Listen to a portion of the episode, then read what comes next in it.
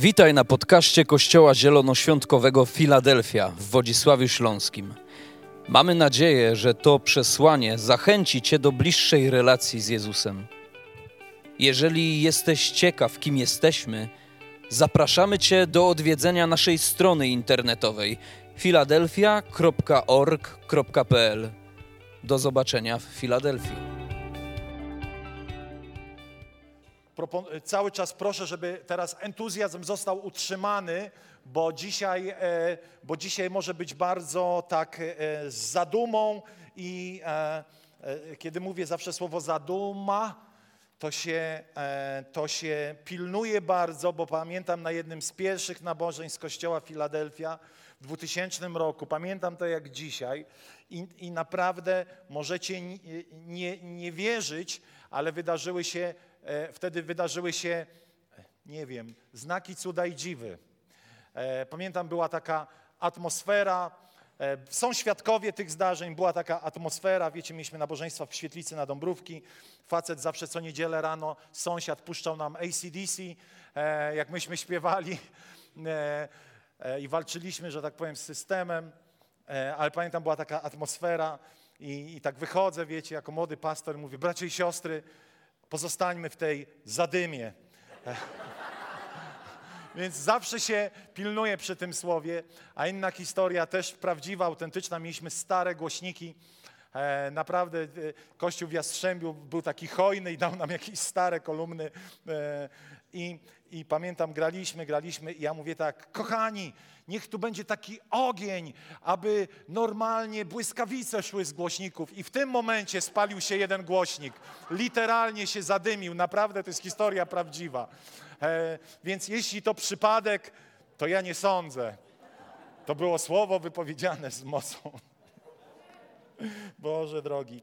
Dlaczego o tym mówię? Dlatego, że będziemy mówili znowu, druga część, ratuj moje serce i będziemy dzisiaj już na koniec się modlili o pewne rzeczy. Nie chciałem tego robić tydzień temu, dlatego żeby nie spalić tematu, żeby trochę to przejść. Na swoich krzesłach macie pewne formularze. One są Wam potrzebne, abyście mogli się zatrzymać bardzo konkretnie nad pewnymi sprawami. I kiedy będzie modlitwa, będzie chwila ciszy. Jeśli masz długopis, to jest tylko dla ciebie. Możesz to napisać, potem spalić, e, możesz zjeść, e, cokolwiek z tym zrobić. Nie, najlepiej wyrzucić, spalić e, jako pewne, pewną przeszłość, ale tam są ważne rzeczy, o których dzisiaj sobie powiemy. Ratuj moje serce, czyli cykl o duszy. Tak naprawdę e, wszystko, wszystko to, jak żyjemy, jak się zachowujemy, rodzi się w naszym sercu. E, rzeczy dobre rodzą się w tym sercu i rzeczy złe rodzą złe rzeczy. Oto jeden z listów zaczyna się tak, że chciałbym, aby ci się dobrze we wszystkim powodziło i aby twoje ciało miało się tak dobrze jak dusza twoja. Wolą Bożą dla ciebie i dla mnie jest to, aby twoja dusza prosperowała, czyli aby była zdrowa. Dusza, twój intelekt, Twoje emocje, Twoje decyzje, procesy myślowe. To wszystko tam się znajduje. Twoja wola, to wszystko składa się na duszę, albo czasami inaczej nazywanym na serce człowieka. Czyli to źródło, z którego jakby czerpiemy, to miejsce, w którym zaczyna się nasze życie. Nie w tym sensie fizycznym jako serce, ale w którym zaczyna się nasze życie w którym, od którego zależy nasze życie emocjonalne, jakość naszego życia, e, decyzje, które podejmujemy, jakość relacji. To wszystko zależy od tego, kim po prostu jestem i jesteś. I wiecie, a po 20 latach, ja chyba się starzeję, bo ja za często mówię ten zwrot po 20 latach, to, to nie jest dobre. E, a więc na tyle długo żyję, nie aż tak długo, aby wiedzieć, aby wiedzieć, że chrześcijanie dzielą się na tych fajnych i tych dziwnych. Kościoły są pełne dziwnych ludzi. I to nie jest śmieszne. Dlatego, że Nie ma w wielu miejscach czegoś takiego jak poprowadzenie ludzi przez uzdrowienie wnętrza. Nie ma czegoś takiego jak tworzenie albo wychowywanie ludzi na podobieństwo Boże. E, ludzie przychodzą do kościoła, biorą chrzest, słuchają niedzielnych kazań, no i jeszcze przy chrzcie coś tam usłyszą więcej, a potem wpadają w pewien cykl życia kościoła bez przerobionych zakamarków duszy, bez zbudowanych fundamentów wiary. Od pięciu sezonów prowadzimy coś takiego jak, nigdy nie wiem, pierwsze kroki czy nowe kroki? Pierwsze kroki. Pierwsze kroki, duchowe ABC. I wiecie, co jest ciekawe? Że 95% ludzi, którzy przeszli ten kurs, są dzisiaj w kościele i reprezentują bardzo zdrowy model e, chrześcijańskiego życia. Naprawdę, kiedy otrzymujesz na dzień dobry Twojego duchowego życia właściwe fundamenty, właściwe nauczanie, jesteś w stanie e, iść dalej w pewnym duchowym zdrowiu, a także emocjonalnym. Ale wiemy, że rośniemy szybciej niż pierwsze kroki, rozwijamy się bardziej niż możliwość organizacji pewnych rzeczy, a też czasami niektórzy z nas uwikłali się w jakieś problemy serca. Dlatego dzisiaj ten cykl, po to, abyśmy wszyscy byli zdrowi. I kiedy mówię wszyscy, mam na myśli także mnie, bo tutaj na tej sali nie ma ekspertów. My wszyscy jesteśmy współbraćmi. Kiedy mówię o tym cyklu, to także mówiąc, słucham tego do siebie. Nie dlatego, że jestem jakiś pokręcony ciągle, ale dlatego, że nie chcę znowu być pokręcony. Dlatego chcę reagować na pewne rzeczy wystarczająco szybko, aby nie dać się zranić, nie dać się ura urazić, nie przeżyć odrzucenia.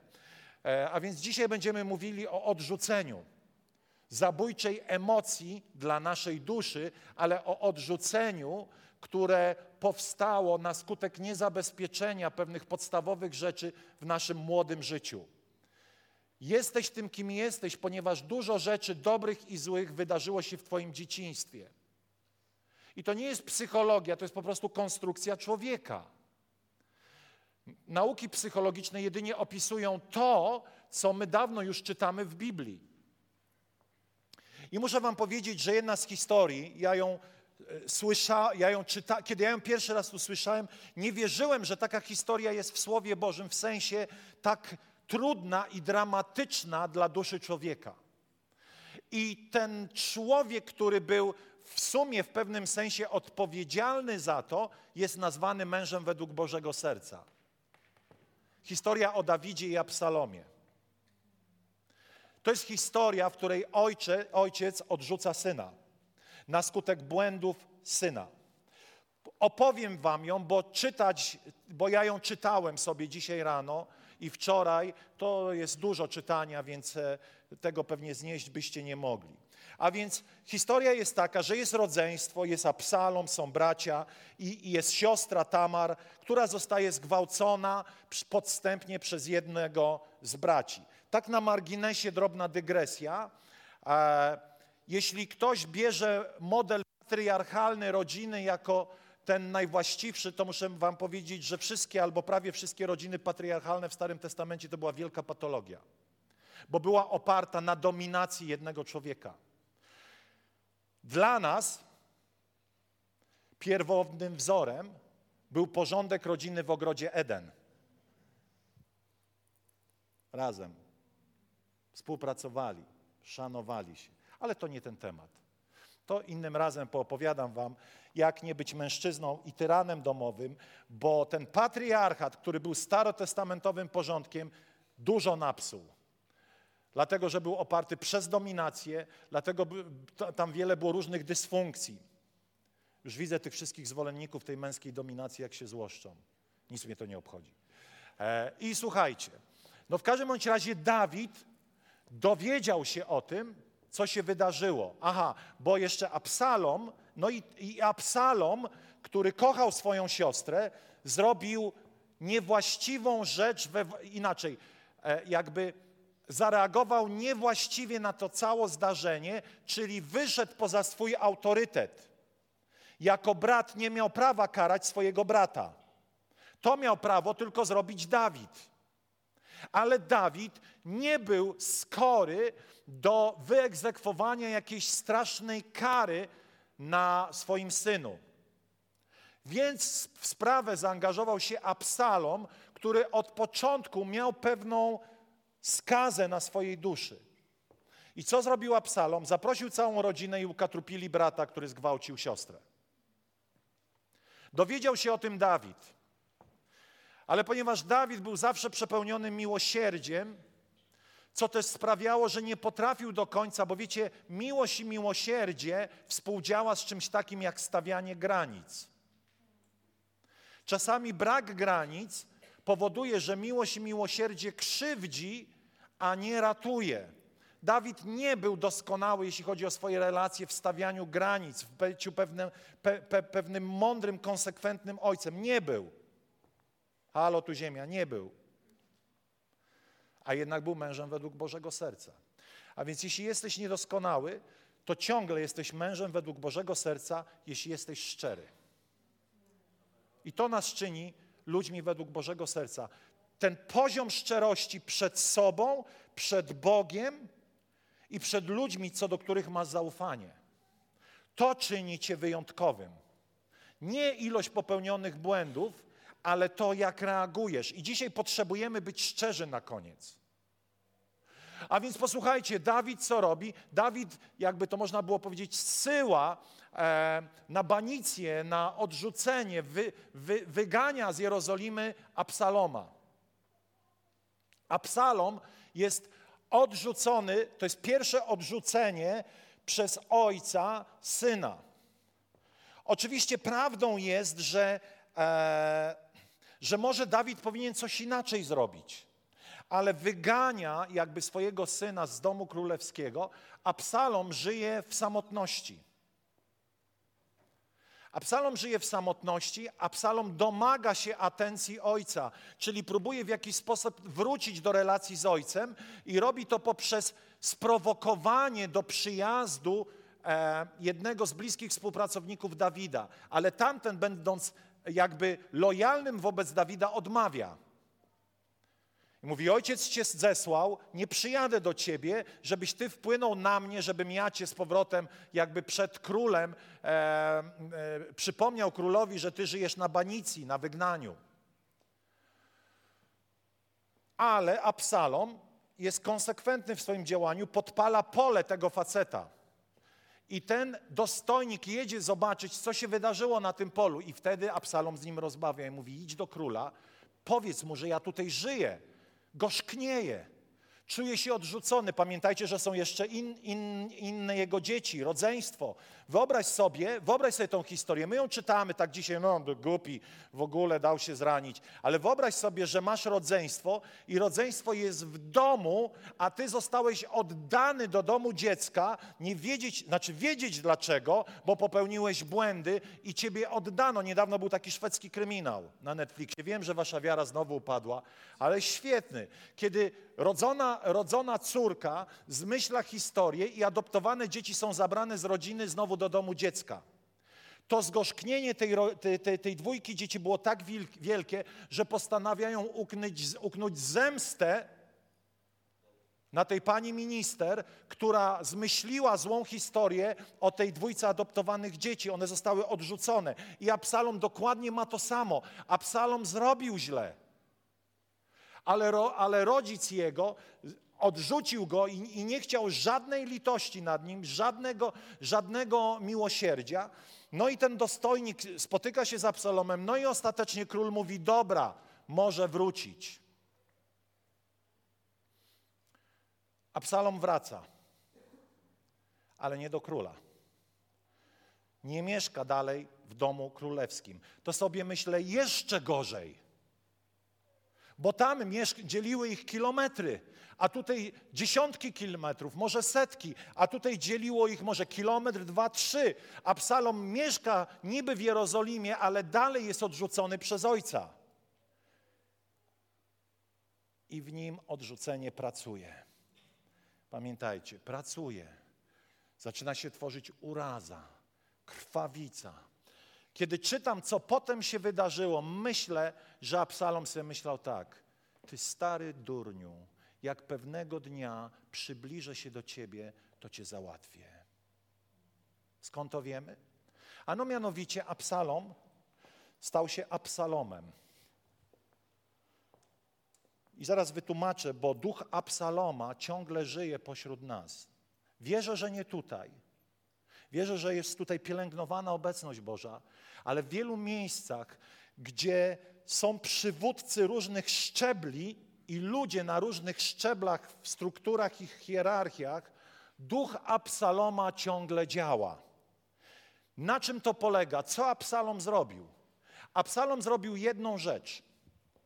Zaczął stawać dosłownie i literalnie pomiędzy królem a ludem. Ponieważ on nie był w więzieniu, mógł sobie wychodzić. I kiedy szły pielgrzymki ludzi ze sprawami do króla, Absalom stawał pomiędzy królem a ludem i mówił: Po co idziesz do króla? Po to i po to. Stary, nie idź. On gardzi takimi jak ty. On nie ma dla ciebie czasu. Krzywoda idź? Przecież on zadziera nosa. On nie słucha, nie rozmawia z takimi prostymi ludźmi. Dawid, Dawid w ogóle ma gdzieś swój lud. Gdybym to ja był królem, gdybym to ja był pastorem, gdybym to ja był liderem grupy domowej, gdybym to ja był liderem grupy muzycznej, gdybym ja był liderem grupy witania, gdybym ja był liderem grupy takiej, takiej służby, takiej, takiej, byłoby inaczej. Nazywamy to demagogią. Ale ludzie się na to nabrali. Zaczęli myśleć faktycznie. Do tego momentu Dawid był ich ukochanym królem. Kiedy spotykasz się z kimś i ktoś zasusza ci głowę względem osoby, którą dotychczas kochałeś i zaczynasz mieć problem, wywal natychmiast taką osobę ze swojego życia, bo ducha Psaloma jest nad nim. I co robi Absalom? Absalom z powodu odrzucenia i urazy, która powstała, zaczyna nienawidzić własnego ojca i oczekiwać zemsty. To, jak został potraktowany przez ojca, zaczyna mieć wpływ na jego postawę. I w pewnym momencie ludzie zaczynają być pod wpływem demagogii, fałszywych, nierealnych obietnic, wydumanych, że tak powiem, wydumanej, cudownej, lepszej przyszłości. I zaczynają buntować się przeciwko Dawidowi. Tylko wiecie, mężem Bożym nie zostaje się na skutek doskonałości. Mężem Bożym zostaje się na skutek szczerego serca. I Dawid, pomimo że był czasami naprawdę głupi w swoim postępowaniu, miał wady charakteru, nie, nie idealizujmy go. To jednak miał coś, co w tamtym czasie miało niewielu ludzi. Miał wrażliwość na Boga i szczere, wrażliwe, kochające serce wobec tych, którzy byli przekreśleni, wobec tych, którzy byli odrzuceni, bo jest napisane, że Dawid i miał olbrzymie poczucie szacunku do autorytetów, czytaj Saula, który był beznadziejnym królem, z deficytami, z problemami osobowościowymi. Saul to był zakompleksiony król, który bał się lepszych od siebie. Dlatego tępił Dawida. Ale co Dawid zrobił? Nie wyciągnął włóczni nie rzucił w Saula, którą Saul rzucał w Dawida, tylko odsuwał się i pewnego dnia, kiedy sytuacja już była niezręczna, wziął swoją teczkę i poszedł. Bóg ma inną miarę niż człowiek. Kto wie, kto jest pomazańcem pańskim na 100%? Ja wiem? Nie. Ty wiesz? Nie. Tylko Bóg wie. Tylko Bóg wie, kto jest pomazańcem pańskim.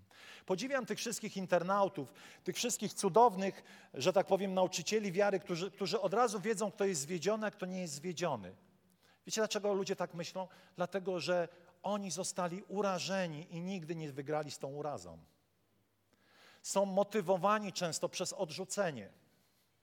Ile to razy słyszę ka kaznodzieję, który czuje, że on po prostu usługuje ludziom ze zranionego serca, uderzając w człowieka. A więc kończąc tą historię, Absalom wzbudza bunt w Izraelu przeciwko własnemu ojcu i kończąc, kończy tragicznie. Ale wiecie, co jest niesamowite w Dawidzie? Żebym teraz nie pokręcił, ale któremuś posłańcowi chyba Dawid obciął głowę, kiedy przywiózł e, informację o śmierci, e, o śmierci, nie wiem, czy Saula, czy Absaloma. W każdym razie Ab, Absaloma, Saula. Dobrze, ale ten, który przywiózł informację o śmierci Absaloma, wcale się Dawid z tego nie cieszył, tylko zapłakał. Taki był Dawid. Saul wzbudził bunt, a Dawid go kochał do reszty. I Dawid dla mnie pod, pod, względem miłosierdzia, miłości jest naprawdę zapowiedzią miłosierdzia i miłości samego Pana, który ukochał wrogów. Ten ukochał swojego niewiernego syna aż do końca. Ale ten niewierny syn stał się niewierny, dlatego że odrzucenie, które przeżył, które było faktem i które było, moi drodzy, ewidentnie problemem Dawida. Dawid źle zarządził tym kryzysem, ale Absalom nie poradził sobie z odrzuceniem przez ojca. Doprowadziło to do urazy, doprowadziło to ostatecznie do bólu. Czymże więc jest odrzucenie? To poczucie się niechcianym, skreślonym, bezwartościowym, nie będącym częścią grupy, nie przynależącym do nikogo ani do niczego. Pamiętajcie, Absalom był dzieckiem króla, ale nie mógł być z królem i z rodziną króla. Niechciany. Dobrze, może sobie pomyślał, popełniłem błąd. I wiecie, nie chcę usprawiedliwiać Absaloma, bo dzisiaj kazanie jest o Absalomie, nie o Dawidzie. Absalom pozwolił, aby odrzucenie zawładnęło jego duszą. Ponieważ chcemy być kochani, ale w odrzuceniu jednocześnie mamy przekonanie, że jakby chcemy być z ludźmi, chcemy być kochani, ale odrzucenie, którego doświadczyliśmy, zaczyna oddziaływać na ciebie i myślisz sobie, chcę być kochany, ale z drugiej strony nikt mnie kochać nie będzie. I nikt mnie nie kocha. To jest pewien schemat myślowy. To jest najbardziej powszechna odmiana zranienia, która może się zmienić w Twoim i moim życiu w potężną warownię. I muszę Wam powiedzieć, z racji pracy duszpasterskiej, to jest najczęstszy problem w Kościele, że ludzie kiedyś odrzuceni jakby kopiują ten schemat do teraźniejszości. Dlatego, kiedy idziesz w kościele i ktoś dla ciebie ważny w twojej głowie nie przywita się z tobą, masz doła bo ty myślisz, nikt mnie nie kocha i nikt mnie nie lubi. A on po prostu był zamyślony, ale ty napisałeś film. Nie można nic powiedzieć, bo ludzie natychmiast się obrażają. Dlaczego? Dlatego, że w ich sercu krwawi taka rana odrzucenia i każda myśl, każda rzecz dla kogoś zdrowego, która jest normalna i nie przykuwa uwagi, dla ciebie jest po prostu aferą. O, nie dali mi nagrody w pracy jaki jestem beznadziejny, zważywszy, że nie dostałem jeszcze czegoś gdzieś indziej. Ja ciągle mówię, że od, wiecie, ja e, jakby ciągle się śmieję, to jest śmieszne, ale to nawet taka głupia rzecz miała wpływ na mnie, że ja, wiecie, zawsze byłem tym, którego w drużynie piłkarskiej nie chcieli. Wszystkich, wiecie, były zawsze tak, że był taki tłum ludzi, ludzie stawali i tam Jasiu, poproszę. Zawsze ci najlepsi to byli pierwsi wybierani przez dwóch najlepszych, bo zawsze dwóch najlepszych wybierało z reszty. Prawda, Mariusz? Pamiętasz? Andrzej do mnie, Grzegorz do mnie. I tak stoisz i czekasz, może w środku gdzieś wybierania mnie wybiorą. Nie wybierają. I tak zostaje dwóch fajtłapów na koniec, bo nikt ich nie chce. A ty zawsze z tą piłką szedłeś, że może to jest twój dzień, kiedy zostaniesz wielkim piłkarzem ale oni wiedzą, że tobie się nogi plątają, że ty się przewracasz o własne nogi, że po prostu jesteś gamoniem, że może na bramce jeszcze coś. I raz w życiu, do dzisiaj się z tego śmiejemy, miałem swój dzień. W Palowicach, kiedy wygraliśmy z drużyną z Palowic i od tego czasu mam pseudonim jaki, Maniek? Olivier Kahn. Byłem na bramce. Ale, ale moi drodzy, odrzucenie zaczyna w nas formować pewien nawyk, o, o, który, o który zaczynamy się potykać. Pewien schemat właśnie, e, nie wiem, nie zadzwonili do mnie, bo nikogo nie obchodzę. Dlatego w kościele jest tak dużo problemów duszpasterskich, bo ludzie nie rozprawili się z odrzuceniem z przedszkola, z dzieciństwa i każde pomijanie ich traktują, że ktoś naprawdę nimi gardzi. Posłuchajcie, narzędzie naszej walki nie są cielesne, a jednak za sprawą Boga mają moc burzenia warowni. Nim też burzymy wrogie zamiary i wszelką zuchwałość podnoszącą się przeciwko poznaniu Boga. Nim zniewalamy każdą myśl do posłuszeństwa Chrystusowi i jesteśmy gotowi do wymierzania sprawiedliwości każdemu przejawowi nieposłuszeństwa, dopóki wasze posłuszeństwo stanie się pełne. Inne tłumaczenie mówi i wszelką myśl zmuszamy, warowną myśl, która zamieniła się w schemat myślenia, jakby oddajemy w posłuszeństwo Chrystusowi, aż będziemy my myśleć, te posłuszeństwo w tym fragmencie polega na tym, że zaczynamy nabierać Bożego sposobu myślenia i jesteśmy posłuszni Bogu, aby myśleć tak, jak On myśli. Dlatego odpowiedzią na tą sytuację jest po pierwsze prawda, czyli przyznanie się do prawdy, zobaczenie siebie z tamtych momentów, przyznanie się do tego, że potrzebuję wybaczyć i zaraz powiem co. I po trzecie, usłyszeć prawdę Bożą na swój temat, że nie jestem tym, którego Bóg odrzuca, ale przyjmuje. A więc to odrzucenie zamienia się ostatecznie w pewną urazę.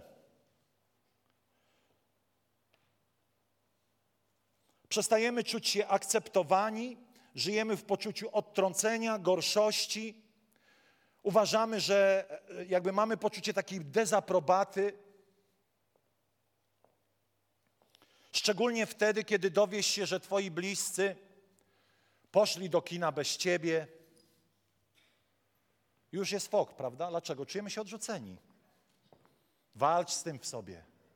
Nie zaprosili cię na Sylwestra, ja przez pierwsze lata pastorstwa ciągle byłem w odrzuceniu, bo nikt mnie na Sylwestra nie zapraszał. Nikt mnie, a wszyscy myśleli, że ja już mam tyle ofert, że nie będziemy mówili pastorowi, bo powie, że ale to nie, że teraz mnie będziecie zapraszać, nie w tym rzecz. Ja już się nauczyłem z tym żyć. Z żoną mamy fajnego Sylwestra. Ale kiedyś na Facebooku napisałem. To chyba miałem wtedy poczucie odrzucenia. Ale Ciężko nam jest, kiedy wydaje nam się, że ktoś ma obowiązek z nami dzielić życie 24 godziny na dobę. Dlatego bardzo często ludzie tworzą pewien problem dla innych i ludzi mówią, e, nie zadzwoniłeś, nie przyjechałeś, nie byłeś. Pozwólmy ludziom żyć. No i co z tego, że nie zadzwonił? No i co z tego, że nie był? Nie domagaj się atencji, dlatego że domaganie się atencji bierze swój początek. Zobaczcie, my tego nie widzimy domaganie się uwagi, zainteresowania u drugiego człowieka bierze swój początek z tego, że zostaliśmy kiedyś odrzuceni. I boimy się, że to znowu się powtórzy. Jesteście ze mną? I reagujemy, że na pewno oni też nas odrzucają, a oni po prostu zapomnieli a oni po prostu mieli inne plany, a oni po prostu byli chorzy, a oni po prostu pojechali na wakacje, a oni po prostu mieli, wiecie, wyłączony telefon, bo nie zapłacili rachunku. I moglibyśmy mnożyć te wszystkie prawdziwe historie, ale my stworzyliśmy film.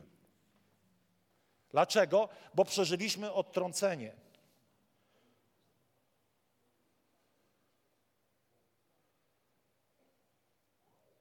Oto zobaczcie, jak zaczyna to przenikać naszą duszę. Przypowieści Salomona mówią tak: człowiek dzielny duchem, czyli zdrowy, wytrzyma chorobę. Lecz ten, kto pogodził się z klęską, kogo podniesie? Inne tłumaczenie mówi, lecz ten, kto ma, kto, lecz kto zniesie strapionego ducha? Czy kiedy twój duch strapiony jest, e, jakby pobijany, odrzucony, to ty czujesz, że po prostu jakby to życie uchodzi z ciebie. Radość serca służy zdrowiu, lecz przygnębiony duch ujmuje ciało. Inne tłumaczenie mówi wysusza ciało, wysusza kości.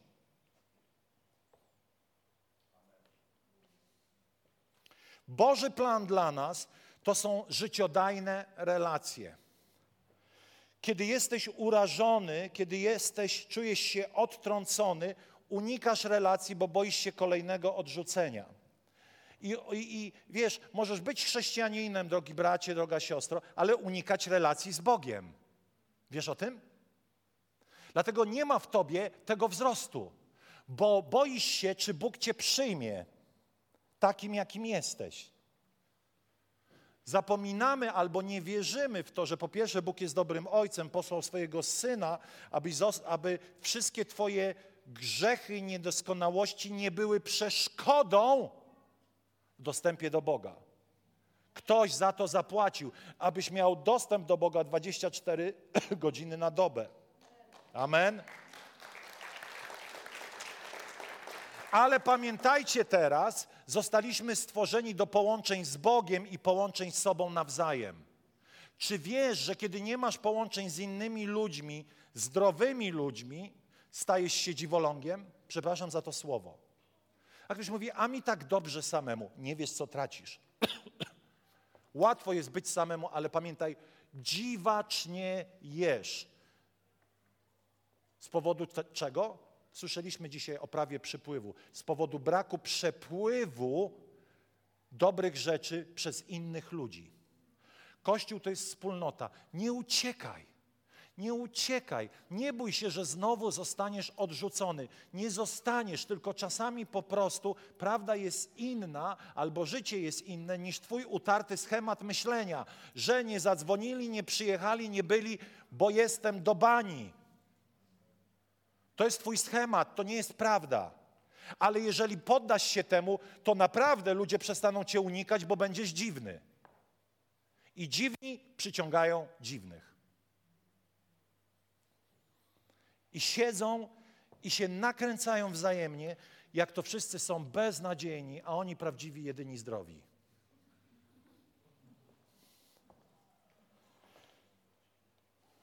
Ale gdzie się bierze w dzieciństwie to odrzucenie?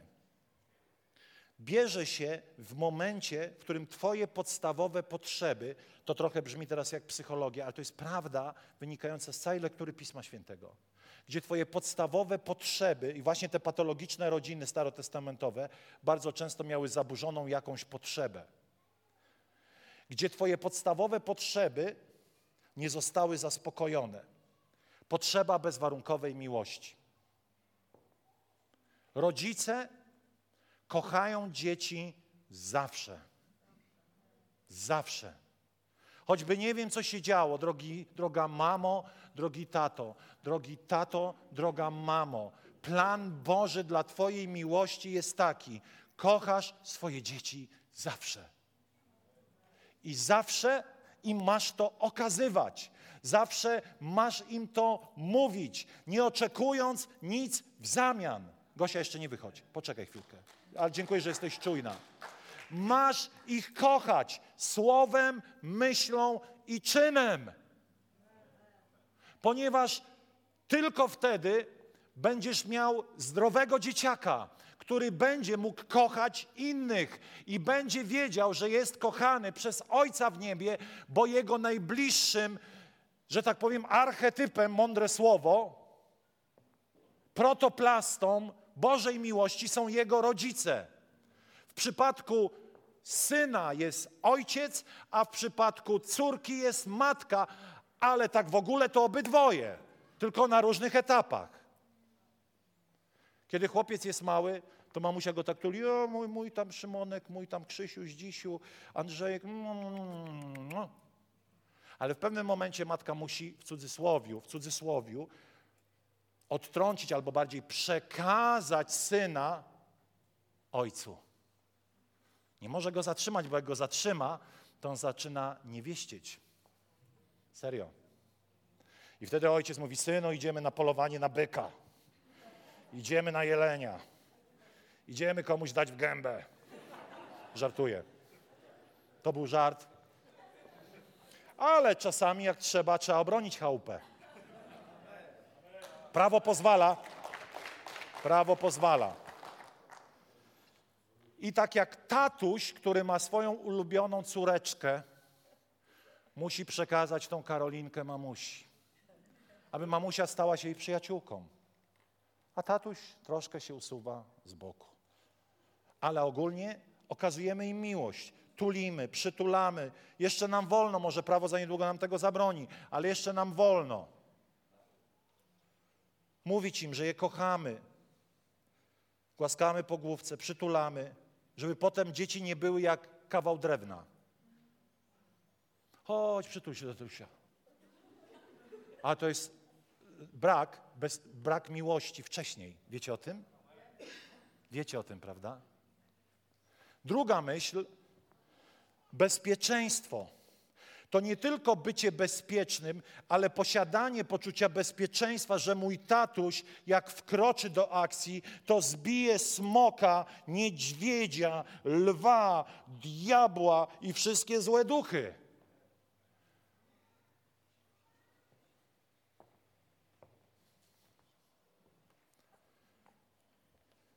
Dom musi być bezpiecznym miejscem, gdzie mamy pocieszenie i wsparcie. A więc musisz, i to jest ciekawe, musisz najpierw poczuć się bezpiecznie, aby przyjąć miłość. Bardzo często, e, kiedy w domu nie ma poczucia bezpieczeństwa, nie ma tej autostrady do serca dziecka, którą jest poczucie bezpieczeństwa i nie można udzielić tej miłości. Po trzecie, pochwała i uznanie. Dlatego to, co mówił Andrzej, w kościołach w Polsce się nie chwali, bo nikt nas nie chwalił. Ja byłem w tej mikro, mikro drużynie chwalonych dzieci. Do tego stopnia, że matka przeginała i sąsiadką chwaliła, jaki to jest syn i jest lepszy w domyśle, nie taki głupi jak te wasze dzieci. Potem sąsiadki i sąsiedzi mnie nienawidzili. Ona przeginała ale jestem wdzięczny jej za to, że tak, że mnie nie zakompleksiła. Naprawdę. Cudowna kobieta. Naprawdę. Ludzie, chwalcie swoje dzieci. No ale jak źle zrobił, jak źle zrobił, to go podnieś z tego upadku. Ale powiedz mu, że ciągle w niego wierzysz, że pewnego dnia będzie czempionem, miażdżycielem, że głupio zrobił, ale ciągle On ma w sobie zasoby dobra i Ty wierzysz w Jego dobro. A więc chwal, nadawaj Mu znaczenie, nadawajcie sobie znaczenie. Oni muszą poczuć, że są potrzebni i istotni. Podziwiajcie je. Tak jak podziwiajcie siebie nawzajem w tym kościele. Tak jak Kościół powinien podziwiać Kościół między Kościołem. O, winnicy jest power. To nie po to, żebyście się wynieśli do tej winnicy wszyscy, bo co ja będę robił, ale abyście chwalili ich. Amen? Ła, super! Przebudzenie winnicy. Jak pastor z winnicy dobrze głosi, pochwalcie go. Mnie też trochę, ale... Ale rozumiecie o co tu chodzi? Jeżeli nie chwalono Ciebie, to zacznij rozwijać chwalenie w sobie. Wybacz rodzicom, że Cię nie chwalili na koniec dzisiejszego spotkania. Wybacz im. Jeśli nie byłeś uznany, nie nadano Ci właściwego miejsca w sercach swoich rodziców, to ty dzisiaj to złam i nadawaj se właściwe miejsce swoim dzieciom, ludziom, którzy żyją obok ciebie, tak jak mówi list do Filipian, wyższych od siebie. Kto jest gotów w zdrowy sposób uznać innego lepszym od siebie? Tylko ktoś, kto jest zdrowy i nie musi rywalizować w swojej duszy o to bycie najlepszym. Bo nie z tego czerpię swoje życiodajne siły, że będę ciągle bronił swojego pierwszego miejsca. Bo w ogóle w koncepcji Kościoła w liście do Efezjan jest napisane, że pastor, ewangelista, apostoł, prorok są po to, aby was uczynić wielkimi. My tu jesteśmy dla was. Wy tylko musicie chcieć. A ja potem, jak będę starym człowiekiem, niedawno miałem taką wizję. To jest bardzo serio sprawa. Widziałem w tej wizji Angelikę. Siebie jakoś tam nie widziałem, ale dlatego, że ja patrzyłem tej wizji, tak, że byłaś starszą kobietą, miałaś siwe włosy, a młodzi ludzie stali na scenie i bili ci brawo. I wiecie, to jest niezwykłe, że my istniejemy dla was, bo ja mogę iść do nieba. Ja ciągle żyję w pewnym rozdarciu między tym, że jest niebo, za którym tęsknię, a tym, że jest jeszcze pewien plan i trochę boję się tej śmierci. Nie będę udawał, że się nie boję, ale wiecie, moja dusza jest rozdarta, jest ciągle w pewnym poczuciu niekompletności bo już jest zainfekowana obecnością Bożą. Jak poczujesz Bożą obecność taką, to już będziesz trochę nieszczęśliwy. Że będziesz już żył w rozdarciu, bo wiesz, jak to jest być, być w obecności Bożej. Dzisiaj my się ślizgamy, ona się tak przebija, pojawia. Tak czasami mamy kilkadziesiąt minut takiej chwały, ale to jest ciągle początek. Ale kiedy dojdziesz do miejsca, w którym twoja dusza będzie jak pod jakimś hajem narkotycznym, przepraszam za to słowo, ale nie mam lepszego, jakimś błogostanie, a z drugiej strony poczuciu świętości i obecności Bożej i ciężaru Jego chwały i czystości, to sobie myślisz, ja już nie chcę nic więcej. Ja już nie chcę nic więcej. I ostatnie, cel i sens życia. To nasi rodzice mieli w nas obudzić zrozumienie, po co jestem. Ale może oni nie, nie, nie powiedzieli ci, po co istniejesz, dokąd zmierzasz, nie nakreślili jakiegoś dobrego planu, do którego by cię przekonali na podstawie tego, kim jesteś, albo może nie rozbudzili w tobie apetytu na życie. Może nie wzbudzili w tobie pasji na życie. I zastanawiasz się, po co żyję, dokąd zmierzam.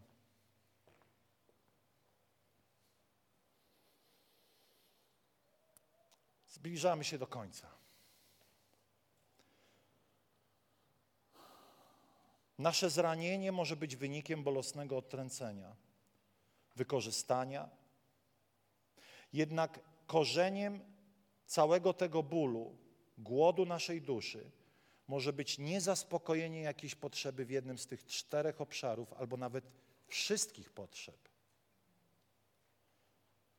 Wiele z tych rzeczy zaczyna się w dzieciństwie, ale możemy je, owoce tego zbieramy często do dzisiaj. Nie wiemy, dlaczego reagujemy tak, jak reagujemy. Potraf, próbujemy z tym walczyć, ale nie wychodzi.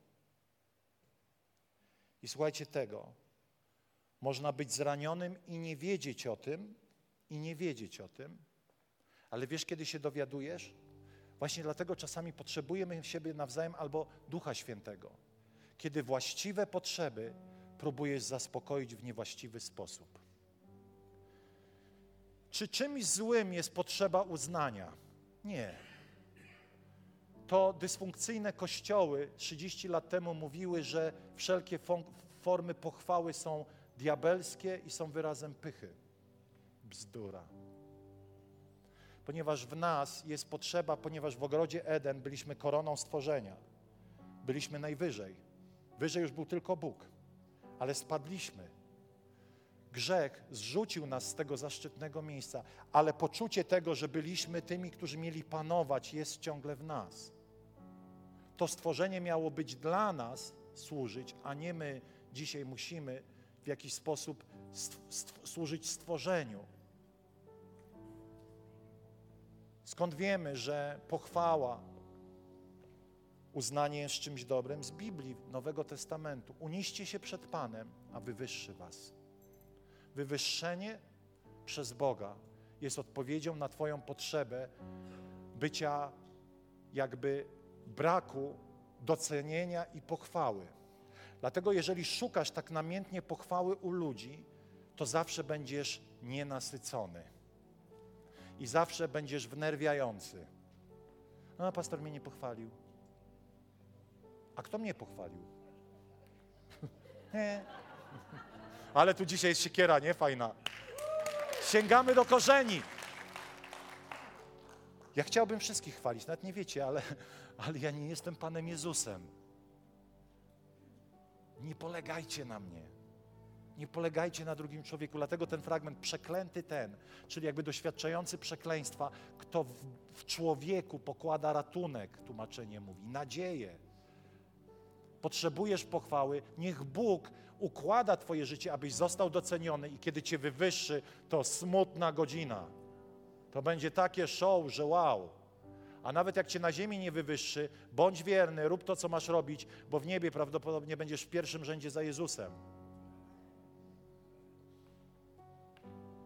Potrzeba miłości.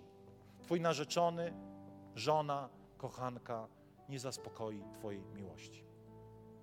Tylko cudowna miłość Boża odpowie na Twoją potrzebę. Dlatego musisz nauczyć się przyjmować bezwarunkową miłość Bożą, abyś nie latał to tu, to tam, nie szukał przygód. I nie miał pretensji, że nikt mnie nie kocha, nikt mnie nie lubi. Czy to znaczy, teraz w drugą stronę, że Kościół ma nie okazywać miłości bliźniemu? Zdecydowanie. Ale tylko wtedy, kiedy przyjmiesz miłość od Boga, będziesz mógł kochać innych. Tylko wtedy. Bo w każdym innym przypadku będzie to dosyć dziwne. Bezpieczeństwo to nie kubka pieniędzy pod, kołd pod kołdrą, choć warto mieć zasoby. Cel to nie nowy dom, choć warto mieć praktyczne cele życiowe. Ale moim celem jest wykonać wolę Bożą. Dlatego wielu chrześcijan nie czerpie satysfakcji z bycia chrześcijaninem, bo nie rozumie, po co stali się chrześcijanami. Pierwszy Twój cel jako dziecka Bożego to być blisko z Nim. Zacznij od tego, bo po to stałeś się dzieckiem Bożym. A po drugie, zacznij Go uwielbiać i już będzie dobrze. Bo jak zaczniesz Go uwielbiać, to zaczniesz jeszcze bardziej Boga doświadczać. Wiem, że przeginam z czasem, ale to jest ważny moment. Zaczniesz uwielbiać Boga, a kiedy zaczniesz uwielbiać Boga, to Twoje problemy, Twoje serce zacznie być leczone przez Bożą obecność. I tak po prostu będzie stawał się zdrowy, nietoksyczny i zaczną Cię ludzie lubić. I ostatnia rzecz, o której chciałem powiedzieć, to tak zwany cykl bólu. I będziemy, i pochylimy głowy i spojrzymy na te kartki, na te formularze. Wiem, że formularz wydaje się taki nie, nie, e, nieduchowy, ale Biblia w, w, w liście Jakuba mówi, że Słowo Boże jest jak lustro, którym człowiek się przyjrzał i zobaczył, jaki jest. Więc formularz jest jak lustro, człowiek musi teraz tam spojrzeć. Ale moi drodzy, po pierwsze, człowiek doznaje zranienia. Czy my mamy na rzutniku ten, udało się ten slajd zrobić? Chyba nie. Dobrze. A więc człowiek najpierw dostaje zranienie, które zamienia się w negatywny sposób myślenia. Pamiętacie, nikt mnie nie kocha, nikt mnie nie lubi. Ten negatywny sposób myślenia prowadzi nas do grzesznych zachowań. Zaczynamy grzeszyć, bo nasze myślenie jest złe jest oparte o zranienie. Zaczynamy grzeszyć, na przykład ranić innych ludzi. I to grzeszenie prowadzi nas do miejsca ciemności. Nasze życie zamiast być światłością zaczyna być powlekane przez ciemność i staje się miejscem ostatecznie demonicznego wpływu. Skąd to wiemy? Jest taka historia w Ewangeliach, kiedy dłużnik, a pamiętajcie, dług jest, kiedy ura, e, dług jest w tym momencie symbolem urazy. Oto sługa ma dług wobec króla, który mu został darowany. Ale ten sługa nie daruje długu, który ma mniejszy sługa wobec niego. I co jest napisane? Jest napisane: oddajcie takiego katom. Czyli oddajcie takiego człowieka urażonego ciągle, który nie podarował wpływowi demonicznemu. Możemy powiedzieć, że Pan Jezus nie robi tego w taki sposób literalny, że dobra, muszę jakieś wymyślić imię, żeby na nikogo tu nie trafiło. E, Bożydar, oddajemy go katom. Nie, to Bożydar poprzez swoje e, nieprzebaczenie wychodzi spod Bożego błogosławieństwa. On idzie do nieba, bo jest zbawiony z łaski, ale na ziemi cierpi tormencję, dręczenie demoniczne, chociaż jest dzieckiem Bożym. Serio, wiem co mówię. Nasze zranienia ostatecznie mogą doprowadzić do opresji demonicznej w naszym życiu. A więc pochylmy teraz głowy i weźmy to sobie, ten formularz. Każdy z nas, masz długopis, zacznij pisać. Dla siebie. Duchu Święty, my zapraszamy Ciebie teraz do tej szczególnej chwili. Jeśli oglądasz nas online, to ja zapytam Ciebie, wymień emocjonalne potrzeby, które uważasz, że nie zostały zaspokojone w Twoim dzieciństwie i spowodowały Twoje zranienia. Z tych czterech, o których powiedziałem. I kiedy odpowiesz sobie na to pytanie, zadaj sobie pytanie drugie. Komu powi powinieneś przebaczyć za niezaspokojenie Twoich emocjonalnych potrzeb? To mogą być rodzice. Najczęściej to są rodzice. To może być Twój brat rodzony, który musiał przejąć funkcję rodziców, bo było jakieś zdarzenie życiowe. Trzeba pewnej pokory, żeby się nad tym pochylić. Trzeba pewnej uczciwości, żeby nad tym się pochylić. To jest ten moment, to jest ta chwila.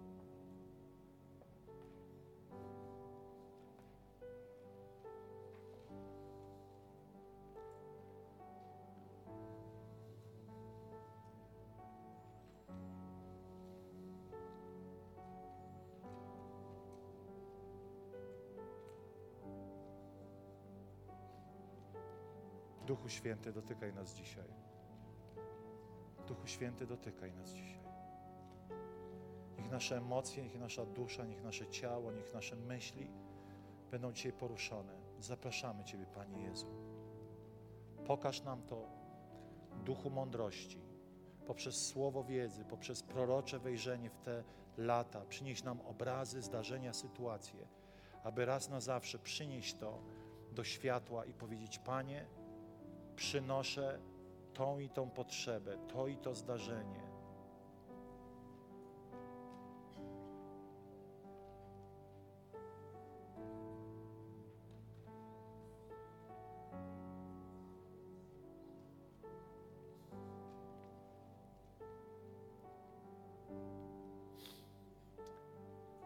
Nazwij teraz przed Bogiem tą potrzebę i osobę, która którą Bóg Ci teraz pokazuje i, i wobec której nosisz tą urazę przez wiele lat. Bracia i siostry, urazy nie da się e, zakopać i ona przestanie istnieć. Ona tam jest.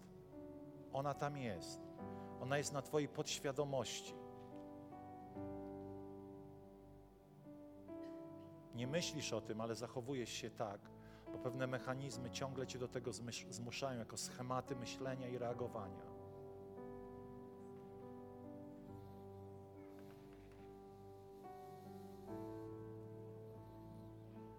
Teraz chciałbym, aby każdy z nas w takiej prostej modlitwie powiedział: Panie Jezu, postanawiam dzisiaj przebaczyć. Nie powtarzajcie za mną, ale postanawiam dzisiaj przebaczyć tej a tej osobie za ich niezdolność do zaspokojenia moich emocjonalnych potrzeb w okresie dzieciństwa.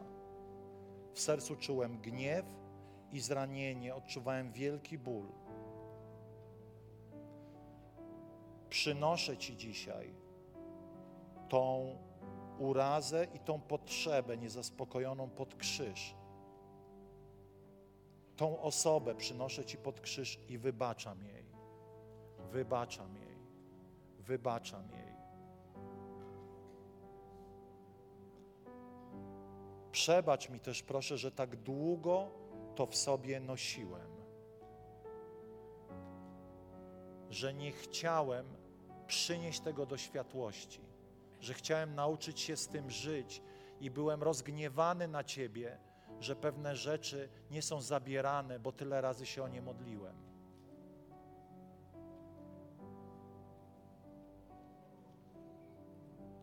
Ufam Ci teraz, że Ty jesteś odpowiedzią na zaspokojenie wszystkich tych potrzeb. Niech Twoja obecność szczególna, Panie, spocznie na nas teraz. Niech coś zostanie uwolnione raz na zawsze do światłości w życiu tych, którzy są z nami tutaj na sali i tych, którzy nas oglądają. Ojcze, niech Twoja lecząca miłość, objawienie dzisiaj przenikną mnie i przenikną każdą osobę.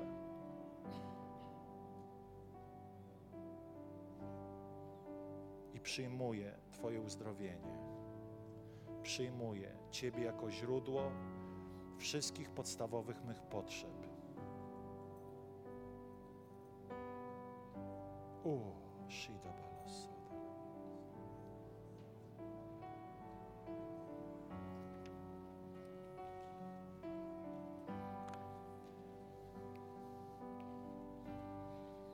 Za chwilę wstaniemy i będziemy dalej jeszcze uwielbiali Boga. Może dzisiaj to nabożeństwo potrwa trochę dłużej ale to nie jest pieczenie bułek ani ziemniaków, gotowanie.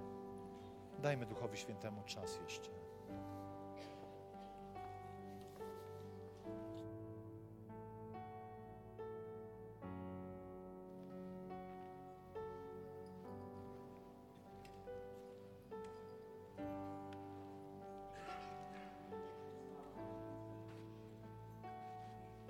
Możesz wstać.